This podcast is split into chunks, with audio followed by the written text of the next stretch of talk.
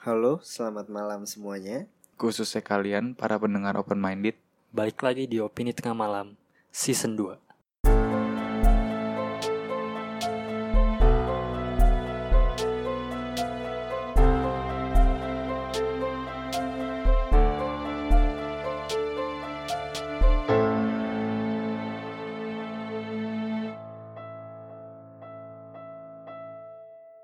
Oke, menyambut 17 Agustus yang hari apa sih? Sabtu ya? Sabtu. Hari Sabtu. Jadi kita akan ngebahas tentang film nih. Dari kemarin juga kita bahasnya konspirasi mulu ya nggak sih? Hmm. Hmm. Nah, jadi kita ini mau bahas tentang film Indonesia yang mendunia. Ya karena sebentar lagi 17 Agustus, jadi kita kayak apa sih film Indonesia tuh yang mendunia gitu loh. Jadi ya sekalian merayakan 17 Agustus lah. Nah, mungkin langsung masuk aja apa yang tahu Fed atau apa yang kamu tahu is Abdi setan. The Raid. kesehatan? The Raid yang populer banget di Amerika kayaknya Sampai Amerika. Iya Tapi The Raid itu udah jadi hak ciptanya sana ya? Nggak tahu Setahu gue udah dibeli kan? Serius tuh Udah dibeli. Jadi kayak udah bukan udah bukan apa sih film Indonesia. Indonesia? Udah bukan film Indonesia lagi. Gitu. Tahu gua ya, setahu gua. Cuma nggak tahu. Tapi tetap bangga sih, kan itu dari Indo kan. Hmm. Oke, lu pengabdi The Raid. Hmm, gua Night Come For Us kali ya. Masuk gak sih? Masuk dong. Masuk. Masuk. Oke, kita bahas dulu deh dari pengabdi itu sampai mana? So gue sampai Hong Kong. Emang gila sih pengabdi ya. Heeh. Bahkan Hong Kong bikin Blu-ray Iya. Untuk pengabdi, Iya Tapi Jokan nggak mau ya di sini. Apa gimana? Nggak tahu Dia nggak mau buat Blu-ray di Indonesia apa gimana? Nggak ngerti gua. Terus ada tadi apa The Raid. The Raid itu gila hype-nya. The Raid itu jadi salah satu film yang ngebawa nama Joe Taslim dan Iko Uwais gak sih? Iya, sama Yayan.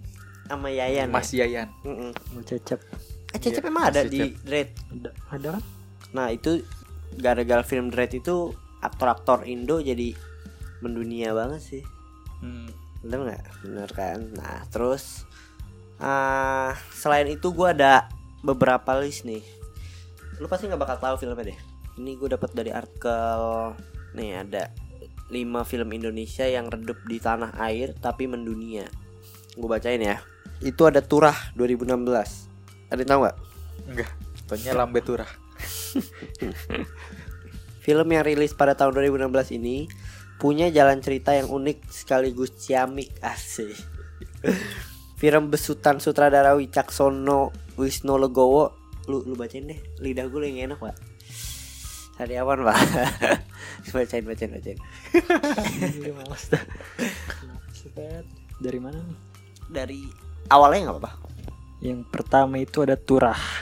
Film 2016 ini punya jalan cerita yang unik dan ciamik. Film besutan sutradara Wicaksono Wisnu Legowo ini nyeritain kampung pesisir di Tegal, Jawa Tengah yang diisi sama orang-orang pesimistis.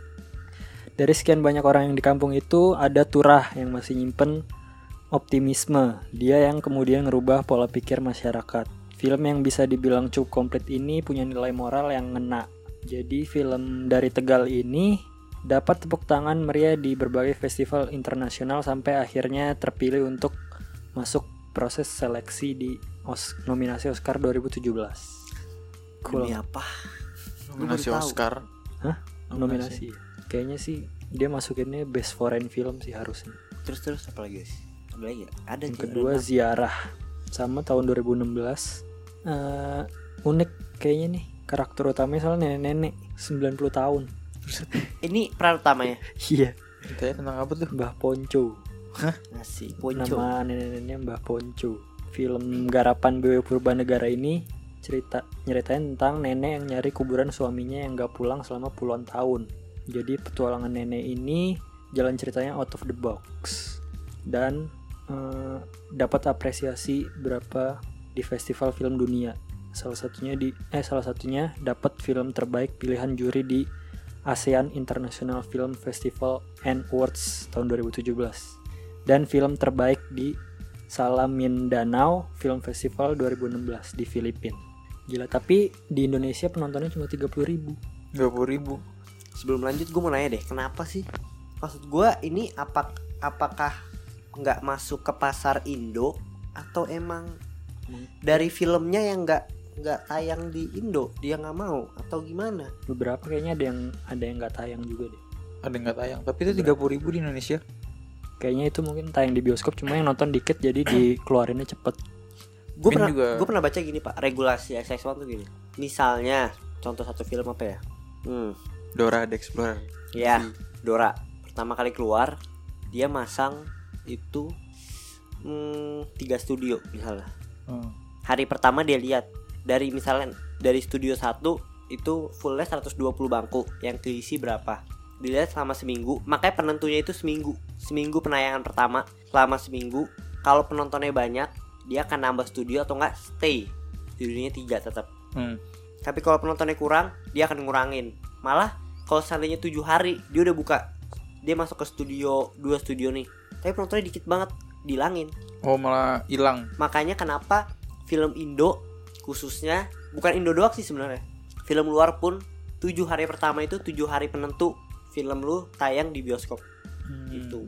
Gue tahu dari Ernest loh deh dari Instagramnya. Makanya kenapa gacor-gacoran banget selama tujuh hari itu oh kadang dipromosiin dia ngundang artis lah di Iya, sini iya, ya kan iya. biar datang biar gitu iya, ya. iya, itu buat mengundang biar dia Nonton. tetap stay studionya tuh Hmm. dibukanya berapa banyak coba lanjut dulu ya berikutnya ada Istirahatlah Kata-Kata tahun 2016 juga.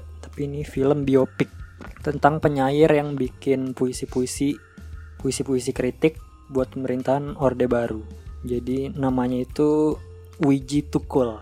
Tuh, oh gua gue tahu gue tahu itu terus Eh, karena dia bikin puisi-puisi kayak gitu yang tentang kritik, akhirnya dia dikabarkan hilang hingga saat ini. Itu jadi biopik tentang kehidupannya si Wiji Tukul. nih cerita nyata nih kisah nyata Iya. ini kayak konspirasi juga sih sebenarnya serius Mm-mm. tapi gue belum belum tak terlalu research jadi gue cuma tahu aja Film ini Istirahatlah Kata-Kata dapat film terbaik di Bangkok Asian Film Festival. Di Indonesia film ini cuma dapat 50.000 penonton. apa ya Banyak kayaknya kayak gini. Apa? Tapi kalau kalau kayak ya? gini maksudnya ini agak agak sensitif masih di Indonesia. iya jelas soalnya itu gue tahu itu salah satu orang yang cukup berpengaruh gitu iya nggak berpengaruh sih cuma iya iyalah sih bisa dibilang kayak gitu kayak gitu sih aduh lidah. Jadi ya dia masuk masukin festival aja kayaknya. Terus yang berikutnya ada Marlina si pembunuh dalam 4 babak 2017. Intinya inti film ini jadi si Marlina ini eh, dirampok dan mau diperkosa. Tapi Marlina mutar otak, nyaris semua perampok dia racun. Satu orang terakhir dia bunuh dengan ditebas kepalanya. Nah, ceritanya makin menarik ketika Marlina bawa-bawa kepalanya si perampok yang tadi itu ke kantor polisi buat jadi barang bukti. Keren kan? terus gimana Ya udah itu di ceritanya. oh Sisanya nonton. Ya jadi kayaknya yang apa? Yang sukses di luar gini yang jalan ceritanya apa ya? Beda banget anti mainstream dari film-film Indonesia kayaknya. iya Dan mereka jadi Hmm. gimana ya? Kalau Indonesia jadi kalau lu nggak drama percintaan takut nggak laku gitu. komedi hmm, horor. Jadi yang yang ceritanya unik-unik out of the box gini jadi pada larinya ke festival semua. Film festival semua. iya bagus maksud gue apakah market Indonesia tuh belum sampai situ ya udah pasti Gua nggak tahu. kayaknya ya ya gue gak tau makanya Marlina kayak gini tuh ya tadi ziarah aja kayak anjir keren banget dan gue baru tahu pas research ini baru tuh kayak gila ternyata Indonesia punya film yang bagus banget gitu hmm. Iya, bahkan dia ada Blu-ray juga. Tapi yang bikin Prancis. nah kalau untuk horornya sendiri horor tuh booming banget di Indo. Cuma gimana ya? Masih banyak juga sih film horor yang cukup gaje ya nggak sih? Eh, iyalah itu banyak ya kan? banyak masih banyak. Maka itu ya Jokan salah satu sutradara yang bener-bener bisa ngubah image horor di perfilman Indo Hmm. sih sebenarnya. Dari genrenya dan lain-lain kan Tapi Marlina paling mending sih. Di Indonesia dapat 100.000 penonton. karena udah menang guys di festival yang berapa kali makanya kan ditayangin lagi Iya. di. Jadi Oh, setelah menang, menang, dulu, dia menang dulu. Iya. Baru kayak namanya naik. Iya, padahal gue udah bisa ditayangin. nonton juga di Indo SX1 gitu loh tanpa gue nonton Oh. bioskop gitu. Terus lagi ada nggak? Yang terakhir City 2014. SITI ya, bukan CITY. Oh, Jadi ini tentang Siti yang berjuang buat ngelunasin utang keluarganya dan dia ngerawat suami dan anaknya gitu. Sampai suatu saat dia kepincut sam- sama salah satu polisi yang jadi langganan tetapnya. Film Siti ini didaulat jadi film terbaik di Film Festival Indonesia tahun 2015. Di luar negeri di Siti dapat penghargaan Best Cinematography dan Best Screenplay di Film Festival di Shanghai di Indonesia tapi dia cuma dapat berapa tebak Gue udah baca. Lu bang. 2000, kita lagi Wah, balik kita. 4000 4000. gila kasihan banget ya siapa nih yang main ya. Nah, karena tuh li- berapa? 5 film ya? Belum gue tonton juga, kita belum nonton semua Hmm. kan. Jadi gue juga gue pengennya lebih ke diskusi aja sih kita. Itu gue mau nanya deh, dari 5 film itu ada artis yang terkenal gak? Ada. ada Ada siapa? Ada. Marlina Contohnya? Kenal Contohnya? Marlina itu si siapa istrinya si ini Vino, Vino. ya? Vino Siapa? G. Bastian. Oh, dia lupa namanya iya. Terus selain itu kan Marina yang paling sukses. Reza Rahadian Yang- ada. Sebenarnya cuma 5 ya. Tapi ini yang booming banget. Sebenarnya pas gue cari tadi ada lagi. Yang main ada Reza Rahadian judulnya bahasa Inggris. Ada lagi yang aduh gue lupa film tentang judulnya bahasa Inggris juga. Dia nyeritain tentang PKI. Itu tahun Hmm. 2000 berapa. Itu nggak boleh. Ada lagi dua film. Kalau nggak salah yang belum lama ini deh. Kucumbu apa? Tubuh. Tubuh tubuh. Apa tahu tentang para ya itu itu juga sempat dicekal kan. Nah eh, satu lagi itu ada film apa tadi gue lupa judulnya itu tentang homoseksual. Dan lu, lu tau lah di Indo Hmm, nggak bisa yang kayak Iya. gitu. Antara komunis PKI homoseksual kekerasannya terlalu parah misalnya. Ya lu nggak bisa tayang di Indo gitu loh ya jadinya mereka mainnya di festival-festival itu tuh Hmm. gimana sih lu ada tanggapan nggak kira-kira menurut tuh kenapa sih sampai akhirnya dia tuh Nggak kedengeran gitu ya? gaetnya pasar luar malah bukan di nasional sendiri apa menurut lu? Kalau menurut gue satu paling kurang promosi kali ya. Tapi mau dipromosiin se- semasif apa pun juga kayaknya Apa pasar Indonesia emang kayak nggak cocok sama Apa, em- cerita ap- kayak gitu. apa emang itu bagian dari marketingnya dia kayak gue tahu kalau gue belum menangin festival gue nggak bakal ditonton di Indo jadi dia ikut festival dulu di luar dia menang baru dia masuk Indo nggak tahu ya kayak seleranya kali Bim ya. Seleranya kali ya. iya sih bisa jadi. kayaknya emang iya sih apa pas minat Indonesia apa Iya. minat genre penonton penonton Indonesia kayaknya emang nggak nggak sama kayak yang mereka Heeh. bikin ya. Dan dia tahu itu Iya makanya nggak dipromosiin ya.